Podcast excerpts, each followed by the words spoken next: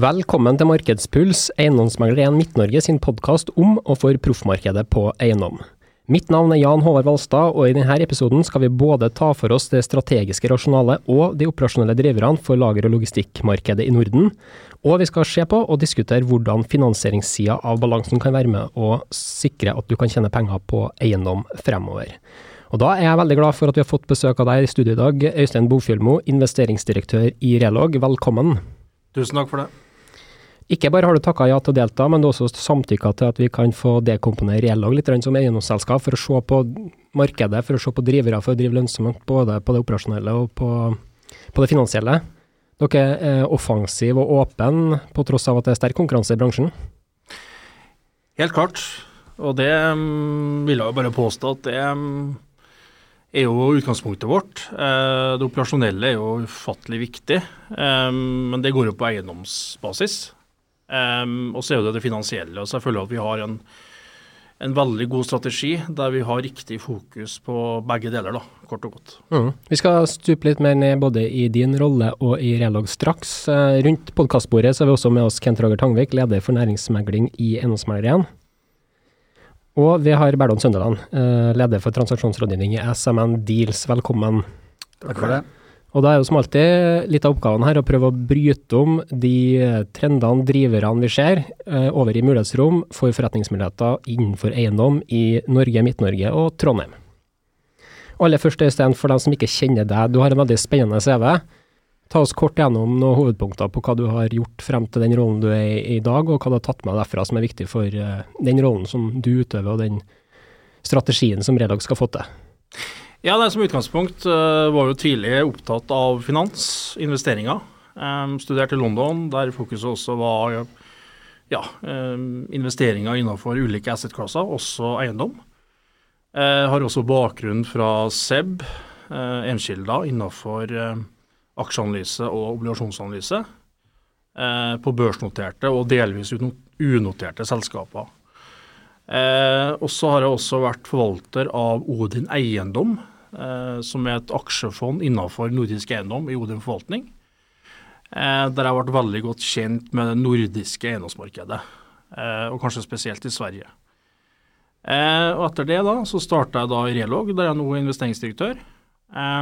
Og fokuset er fortsatt uh, investeringssida og ikke minst finansieringssida, som er ekstremt viktig for å skape verdier innenfor eiendom. Mm. Og så er du trønder. Jeg er trønder, opprinnelig fra Steinkjer, så helt klart. Mm. Og så er det et uh, nordisk eiendomsselskap med hovedsete i Trondheim og et avdelingskontor i Oslo. Det er helt klart også riktig. Eh, vi ønsker å ha hovedkontoret her. Eh, vi har jo et kontor i Oslo og i Sandnes, faktisk. Eh, vi har dekket de regionene og områdene vi har eksponering der, men eh, hovedkontoret er i Trondheim. Og eh, vi har blitt flere i Oslo også, men helt klart hovedkontoret er i Trondheim. Mm. Og, og, majoriteten av eiendommene som dere besitter, de er i De er rundt Oslo-regionen. Eh, og så har vi også eksponering i eh, Sverige og, og, i Danmark. Mm. Ta oss litt inn på historikken med Relog. Da. Det er jo et selskap som har eh, kommet fra ulike konstellasjoner.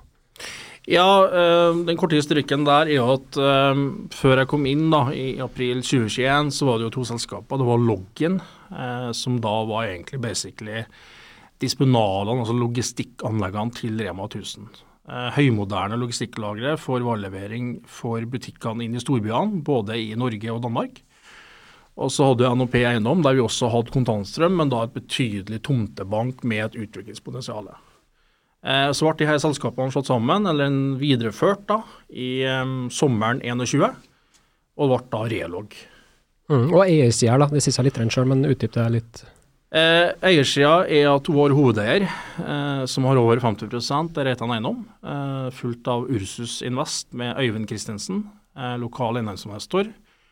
Eh, og så har vi også Bob Persson, som er en svensk eiendomsinvestor og for øvrig også største, den største aksjonæren i Diøs, som er et notert selskap i Sverige, og styreleder der. Ja, Så der er det tungt med eiendomskompetanse, og det er mye langsiktighet i de pengene som du nevner her, da? De har vært langsiktige. De har jo egentlig vært med fra dag én. Eh, vært tålmodig, bygd selskapet både gjennom NOP og loggen eh, sakte, men sikkert år for år, og da kommet til den størrelsen og den relog vi har i dag. Mm. Og Utgangspunktet her så er det eh, delvis da Rema 1000 terminaler, varedistribusjon for varehandel. Ja, men av totalen i relog i dag, så er den eh, leieinntekta ca. 30 av totalen. Ja. Hvilke andre type større leietakere, enten segment eller enkeltleietakere, uh, som er vesentlige? Eh, Innenfor segment så er det jo lager, logistikk og lettindustri vi fokuserer på. Eh, så vi har jo noen større i Sverige. Eh, F.eks. ØOB, eh, som er en type europrisaktør. Eh, der faktisk Europris eide 20% men nå vil ta over selskapet. Så der er en stor leietaker for oss i Sverige. Og så har vi også uh, andre typer tilsvarende leietakere i Sverige. Uh, mens lokalt her, vi har jo også en del eiendom her på Ekstadmoen, da er det jo St. Gobain uh, og TRV da, som også er leietakere. Mm. Mye si, kule navn å ha på leietakerlista der, Kent? Ja, det er veldig solide leietakere. Det er jo for oss som jobber som megler i markedet lokalt her, og så er jo Relog utelukkende en aktør man tenker på som solid både som på eiersiden, ikke minst på leietakersida. Mm. Norge, Sverige, Danmark. Eh, har det vært eh, eiendommer utafor det, lenger sør i Europa, eller er det innenfor scope å se på andre ting der? I utgangspunktet så er det jo Vi ønsker å vokse fortsatt selvfølgelig i Norge. og Det går jo basert på utviklingsporteføljen der vi utvikler prosjekter. Eh, I Sverige så ser vi kanskje mer på transaksjoner. Eh, Danmark har vi jo den største disponalen, også den disponalen for Rema 1000. Og Rema 1000 har jo blitt uh, store i Danmark, og, og, spesielt nå etter oppkjøpet av Aldi. Eh, men vi gjorde faktisk et oppkjøp høsten 21 eh, av en portefølje på sju eiendommer, der vi fikk inn også en uh, finsk eiendom i, i, Helsinki som var et lager.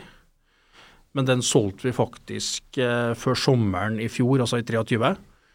Eh, og det var litt strategisk, for vi hadde én eiendom der, og så var det jo også en veldig hyggelig euro-NOK-kurs på den, det tidspunktet. Mm. Som gjorde at det var et fornuftig salg for å på en måte kanskje ha litt mer cash i balansen og kunne bruke det til andre fornuftige muligheter da, både i Sverige, og Norge og Danmark. Mm. Men det blir ikke relag i Tyskland med det første?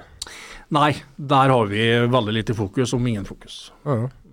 Um, nå har jo uh, de selskapene som du nevnte i sted, som er på en måte fundamentet for det som er Relog i dag, operert i en periode hvor det har vært en rivende utvikling innenfor lag- og logistikksegmentet. Både med tanke på leieprisutvikling og som fokus aktualitet også i finansmiljøene. Og, og, vi har hatt også en periode nå med covid med litt sånn endra handelsmønster.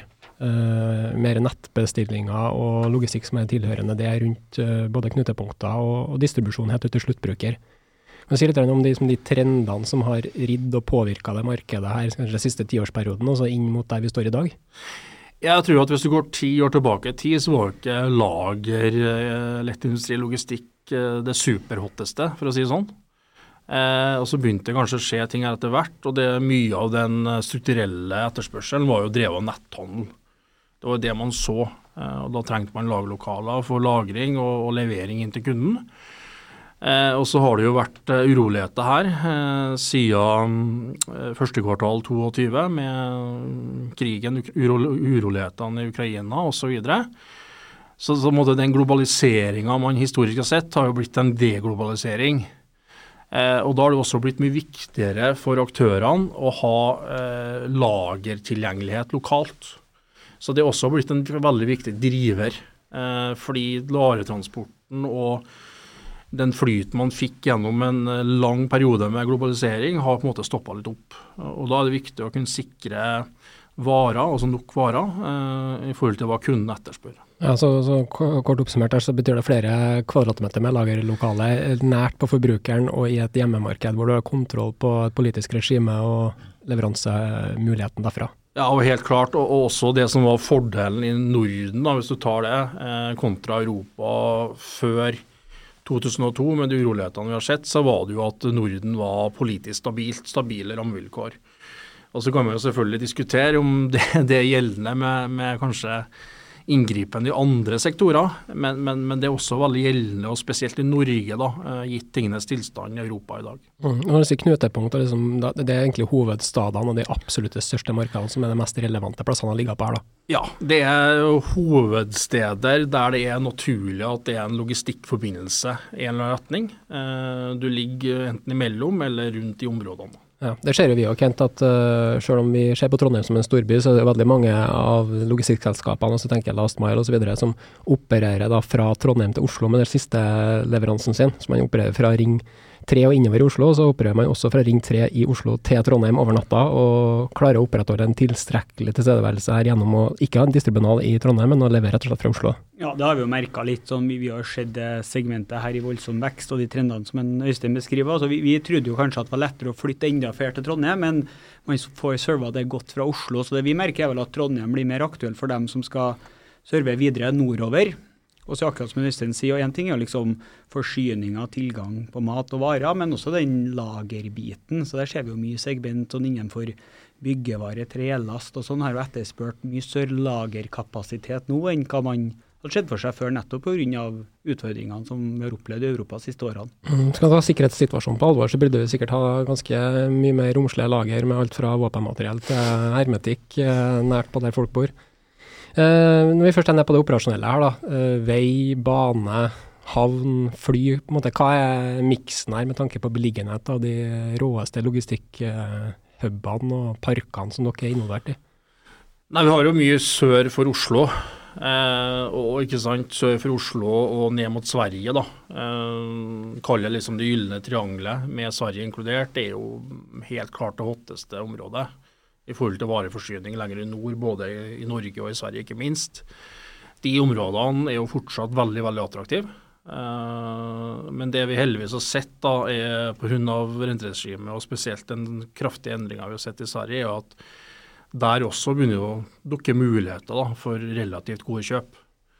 Fordi mange av de eiendommene på hva skal jeg si, i 2021, når prisinga var på peak, eh, ble jo satt på rundt 3,5 netto yield. Så nå ser vi jo at det begynner å nærme seg 5,5-6. Men, men forstå liksom vareflyten, da. Er det ja. hovedsakelig basert på, på, vei og på trailere? På de ja. lokasjonene vi snakker om her nå? Ja. Det er det som er driveren. Og det mm. vi snakker om grønne tog og elbåter, det er ikke så viktig i dagens marked? Eh, ikke noe vi har eksponering mot. så det, vi, vi, er opptatt av veiforbindelse og hovedveiforbindelse, eh, der det er naturlig at det er en form for varetransport. Mm. Hvis vi hopper til Trondheim da, med de brillene der på, så er dere jo, har jo mye eiendommer både på alle sidene av Trondheim, men er vel tyngst da på sydsida. Ja. Um, og da har du både Sandmoen, Torgård, men også på Klett og, og nedover til Hofstad, mm. som da er siste innspurten på aksen fra Oslo til, til Trondheim. Det er jo neppe tilfeldig. Det er ikke tilfeldig. Eh, vi mener at det er det beste området innenfor segmentet. Og, og, og vi ser at uh, området har jo vokst. Uh, og, og, det er på en måte også det, sånn som vi ser det mest attraktive området da, for den type eiendom. Mm.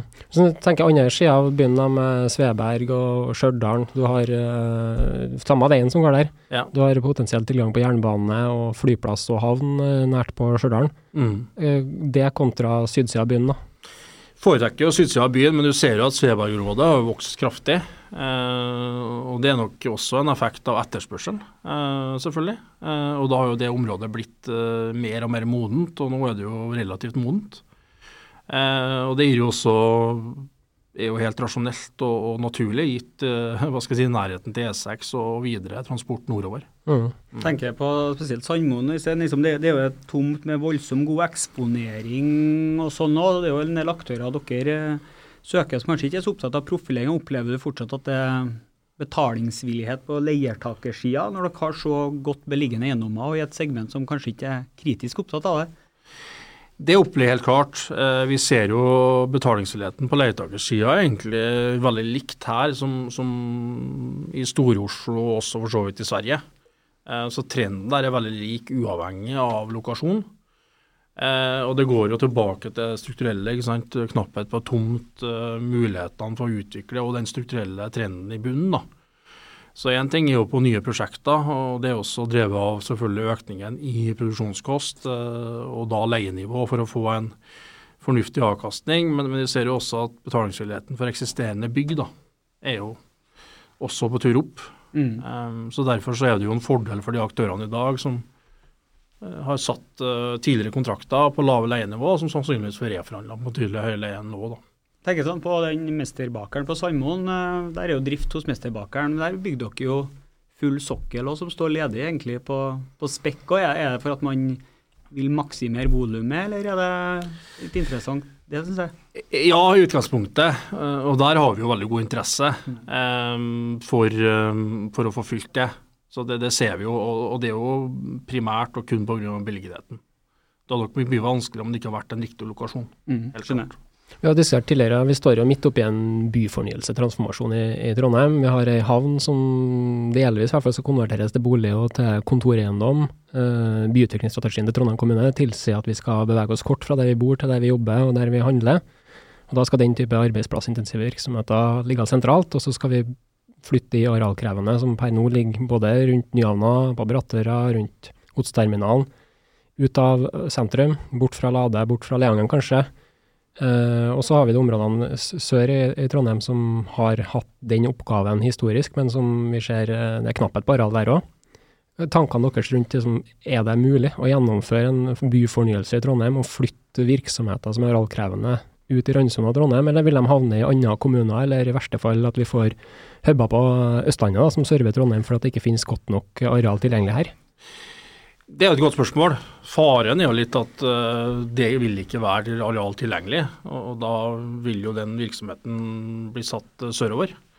Eh, så det, hva skal jeg si, det, det er jeg litt usikker på. og Det er kanskje ikke det området jeg har mest oversikt over heller, men, men det vi ser jo at det har ikke vært stor aktivitet nå, men det må jo reguleres og det må jo på en måte tilrettelegges for at du kan også utvikles mer. da. Det er jo Mm. det som er utgangspunktet her. Mm. Dere har en tomte på Orkanger. Ja. Det, det er ikke med tanke på Trondheimsmarkedet, det er mer isolert for tanke på at det er et næringsliv som er aktivt og som har mulighetsrom på Orkanger til å fortsette å vokse. Ja, det er spesielt i forhold til den områdetankegangen vi har for Orkanger. Uh, og det bygget vi har i dag der. Så det er mer en områdetankegang for spesifikt det området. Da. Mhm. Eh, vi kommer jo ikke eh, gjennom en sånn materie uten å ta inn ESG. Eh, og man kan jo ta måte mye på, på klimasertifiseringssida, på de sosiale forholdene, på styring, men vi ser jo at det er jo energimerking, energiforbruk, energikostnader og det som går over i faktiske finansregnskapet, som er det som slår hardest. Eh, hva er din, ditt overordna blikk nå da, på, på utviklinga? Fokus hos leietaker, betalingsvillighet for et mer energieffektivt eller miljøsertifisert bygg? Et veldig godt spørsmål. Det har jo kommet noen beslutninger her senest i mars i fjor eh, i forhold til energiklassifisering eh, i Europa og en kalle det en standardisering av praksis på tvers av landet. ikke sant? Eh, men det er litt sånn flytende, da, og ikke minst ikke helt satt i stein hva endgame blir. Eh, Så det jeg opplever spesielt fra der jeg har min spesialkompetanse i forhold til det finansielle markedet som gjelder prising av eiendom. da. Og, prising av eiendom er jo også en effekt av selvfølgelig finansieringa, som er utrolig viktig, men også i forhold til leietakerne. Eh, og så har du den siste effekten at en hva skal si, eiendomskjøper, det kan jo være en kjøper med ulik eh, eiendomskompetanse. Eh, Mange av de finansielle kjøperne har jo ikke den inngående eiendomskompetansen. Så det jeg ser at mange av de som eh, kanskje ikke har den inngående eiendomskompetansen, de, de blir litt reservert da, hvis de ikke ser at liksom energiklassifisering og, og ESG-kravet innafor det de forventer vil være gjeldende.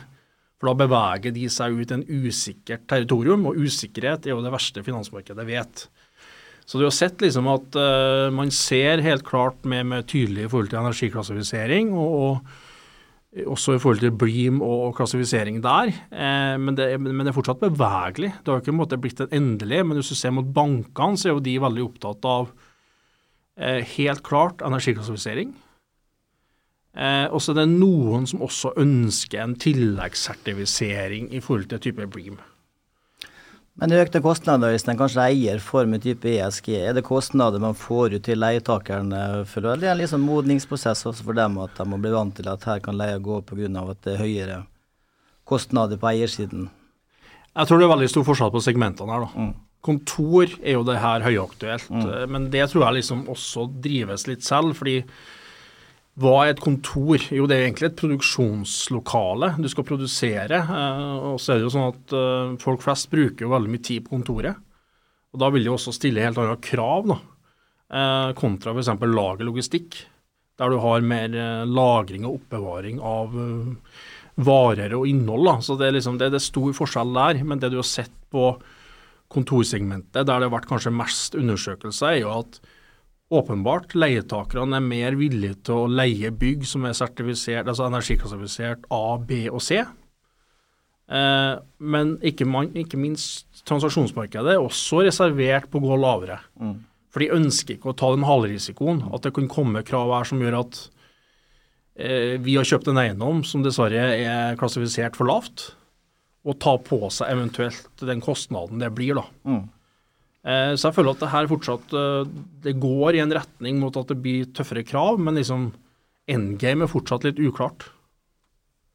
Men, men med det evighetsperspektivet, langsiktige perspektivet som du snakka om innledningsvis her, og med eierne, altså, så investerer dere forventningsmessig da, i gode standarder, moderne bygg som har en høy energieffektivitet.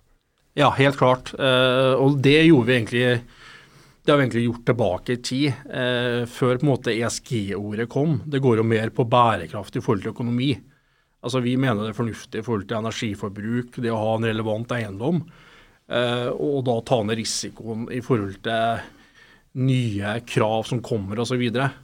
så det på en måte starta vi med egentlig før det her eh, ble veldig sånn satt på agendaen. da. Mm. Det skal det ikke gjøre ting skikkelig og tenke langsiktig, uavhengig av ESG-bevegelsen. Yes, og Det tror jeg er viktig hvis du skal, skal skape verdier over tid. Mm. Du har jo vært inne på det tidligere, her, og du har jo en sånn spisskompetanse på det finansielle sida. Det er så interessant å diskutere litt mer hvordan man bygger opp en rigg rett og slett, da, for et sånn type selskap som Relog, for å både kunne hente ut en god kontantstrøm løpende, men samtidig være rigga for å stå gjennom en brottsjø på et lengre perspektiv. Du kunne sagt litt om den prosessen som dere var gjennom i 21 etter at du, du tiltrådte, og, og på en måte hvordan man står nå, hva man tenker fremover på den finansielle sida. Både type finansiering, eh, sikkerhetsmekanismer osv. Ja, og det der er jo et veldig interessant spørsmål. Eh, fordi at eh, eiendom, næringseiendom, har jo ofte ganske lange kontrakter. Type fem til ti år. Eh, snittet Norden ligger vel på mellom fire og fem år. Eh, og så er det jo sånn at det som ofte har, eh, eller historisk da, når jeg på en måte investert i de selskapene her, eh, så det jeg ofte stussa på, da, det var at eh, noen selskaper valgte å finansiere kort. Og det jeg mener med det, er at de hadde korte løpetider der de ikke hadde gjort sikring. da. Men, men det er to aspekter. De hadde ikke sikra, fordi renta falt jo over tid. Så for hver refinansiering så tok du ut en lavere rentekost, samtidig som du hadde kort løpetid. Og hva er største risikoen i eiendom, og hva er den største risikoen vi opplever nå? Det er refinansieringsrisikoen. Eh, og så er det jo sånn at det er ganske unaturlig at lange kontantstrømmer skal finansieres med kort finansiering. Mange som jeg møter, vil påstå at nei, vi gjør ikke betydelig rentesikring. Eh, vi ønsker å ligge kort fordi vi er ikke finansielle. Men det er en selvmotsigelse. Da du ville ta på deg en ganske stor risiko. eh, Nettopp. Det er jo da du er finansiell. For da er du egentlig avhengig av tilgang på finansiering og rentenivået da det skjer. Hvis du da sikrer eh, betydelig over en lengre periode, og ikke minst har lange forfall på gjelda, det er jo da du tar ned den risikoen og fokuserer på det operasjonelle. Så jeg syns det er veldig interessant hvis du går utafor Norden, eh, fordi at mange i Norge spesielt har jo da hatt kort løpetid og ligget flytende, altså med lite sikring. Det har også vært tilfellet tilfelle for noen selskaper, eller flere selskaper i Sverige. Går du til type Tyskland, UK og andre markeder der kanskje eiendom har blitt eh, hva skal jeg si, litt mer profesjonelt da når det gjelder risk management, altså risikostyring, så mener jo de at det er fullstendig galskap med ti års kontantstrømmer der du ikke har finansiert deg på tilsvarende lengde.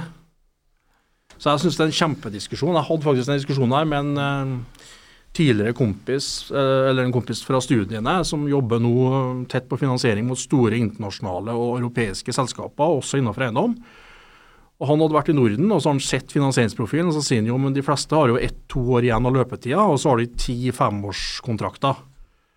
Eh, synes, men, men, da sitter jo med en refi-risiko og er egentlig avhengig av at markedet er åpent for finansiering, og at rentenivåene er på ca. samme nivå. Så det er mitt utgangspunkt. Så, så tilbake til Relog, da, mine perspektiver rundt når vi da i 2021 forlenga løpetida betraktelig og sikra betydelig, det var jo fordi at på de nivåene som var da, når Niboren ja, dippa ned mot 0,3-0,4% Hvis vi da låst eh, renta på de nivåene eh, på en ganske lang løpetid, på den gilden vi hadde, så hadde vi uansett en tilfredsstillende avkastning. Eh, og det er også en risiko altså, det, det, det, er en forsikring, da. Så det, det, Den tankegangen jeg mener jeg, for uh, Hvis du måtte jobbe og skal prøve å være god operasjonelt, så mener jeg at du skal ta bort den risikoen i stor grad. Ikke nødvendigvis 100% men i hvert fall både sikre over 50 og, og ligge med en løpetid på gjerne over tre år. Dere har en veldig bevisst strategi det, virker som. Det er kanskje det mange merker nå, at når du kommer fra et eh, renteregime som har vært ekstremt lavt og går veldig fort opp på kort tid, så er mange av de aktørene som ligger flytende, som har fått problemer. Mm. Så jeg tror liksom det å ha en bevisst strategi som det dere har hatt, da, er jo veldig viktig også med tanke på Det er jo til syvende og sist en kontantsum man skal skape også for, eh, for eierne sine og dem som er rundt selskapet. Selvfølgelig, og, jo, og, og ikke minst det å komme i en refinansieringssituasjon som, blir, eh, som ikke går igjennom, eh, kan jo ødelegge betydelige mm. aksjonærverdier. Det har du jo sett i, i type offshorevirksomhet osv. Men, men, men på eiendom med de lange kontantstrømmene så er det jo ingen årsak til, eller ingen grunn til å ta på seg en risiko. Mm. For Det er ikke der du skal ta risiko. Du skal ta risiko på transaksjoner eller på utvikling. Men dere bruker også ulike det bank, bruker også, også dere obligasjonsmarked og den type finansiering, eller bankfinansiering som hovedsakelig er det dere primært går for? Vi har i dag kun sikra bankfinansiering. Eh, obligasjonsmarkedet er selvfølgelig attraktivt eh, når markedet blir mer altså, mer på fornuftige nivåer. Nå har det blitt veldig prega spesielt for eiendom, for at sektoren isolert sett har litt krevende tider. Og, og de investorene, obligasjonsinvestorene skal ha godt betalt.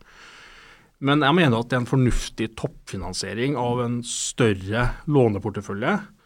Eh, av mange årsaker. Det skaper en form for fleksibilitet. Det er et alternativ til egenkapital. Eh, Eh, hvis finansieringskostnadene er ikke er for høy. Eh, og så skaper det også en mulighet til å ikke ha avdrag.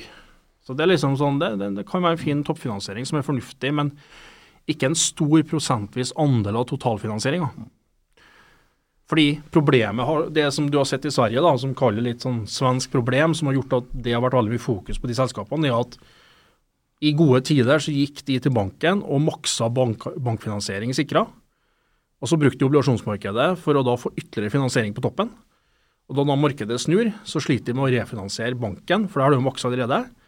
Og så sitter de med obligasjonseiere som vil ha tilbake pengene, og da er det aksjonærene som må stille opp.